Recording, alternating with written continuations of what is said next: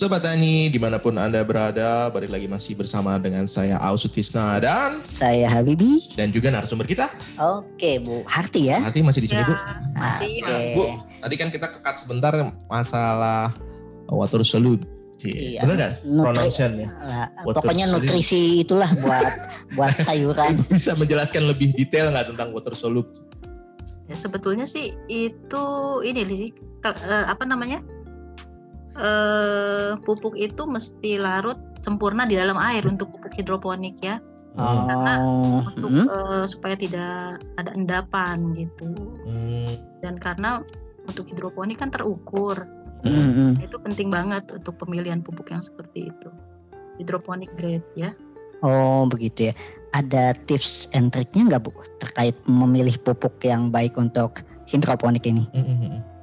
Memilih pupuk yang tadi seperti saya bilang sih Mm, cari apa yang mudah didapat terus mm, unsur-unsur haranya jelas gitu mm, mm, komposisinya.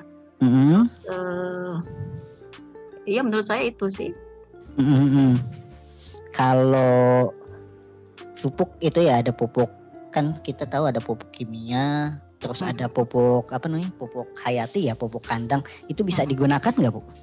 Oh bisa untuk tanaman konvensional baiknya Mhm. sih mengkombinasikan keduanya ya Mhm. Ada- atau apa mesti ada kombina- kombinasi jadi antara pupuk kimia dan organik misalkan pupuk kandang terus yang sudah difermentasi ya Mhm. terus eh, ada kompos misalkan dari dari rumah tangga gitu kan bisa Mhm. jadi kompos terus enzim juga bisa dari misalkan bikin ekoenzim terus Mhm. eh, dikombinasikan dengan pupuk kimia sesuai dosis atau kebutuhan tanaman gitu. Hmm. Bu, ini terkait dengan balkon tadi yang cuma tiga kali satu setengah meter ya Bu ya? Mhm. Ah, dengan dua balkon untuk penyimpanan pupuk seperti itu tidak menimbulkan bau misalkan kita naruh pupuk apa tadi kandang ya Mm. Pupuk yang sudah jadi organik ya ah, itu masuk ke dalam apartemen kah baunya atau mengganggu kah ke dalam Eh, enggak ya, itu kan untuk pupuk- pupuk-pupuk itu sebetulnya enggak bau kalau sudah difermentasi dan Hmm. sudah istilahnya sudah matang gitu ya. Itu enggak enggak oh akan bau sih. Mhm. jadi Oh, gitu lebih ya. baik menggunakan pupuk yang sudah matang gitu Bu ya dibanding dengan yang Eh, dan Oh. itu ada teknisnya sih sebetulnya enggak apa ya. Kalau yang masih belum matang itu ya kurang bagus. Hmm, Kita ngomongnya untuk- gimana ya?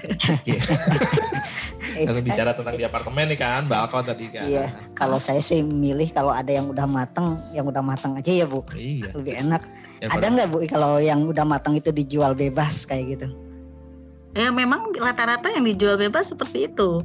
Jadi Oh. maksudnya enggak enggak langsung ngambil dari misalkan punya kandang kambing nih langsung ngambil. Ah, ah, ah, Ya, ah. tapi mesti di fermentasi dulu gitu. Heeh. Biasanya yang dijual seperti itu sudah sudah dalam- Oh, sudah jadi- matang.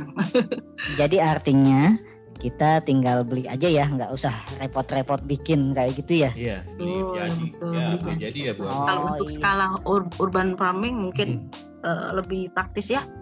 Mm-mm, soalnya kan Mas Awa mau beli apartemen nih. Mm-mm. Kalau beli apartemen terus ngolah pupuk kan kebayang. pikirnya seperti itu. Nah, Bu, ini kalau misalkan eh, setelah dari tahun berapa 2015 ya Ibu mulai bercocok tanam ya. Mm-mm.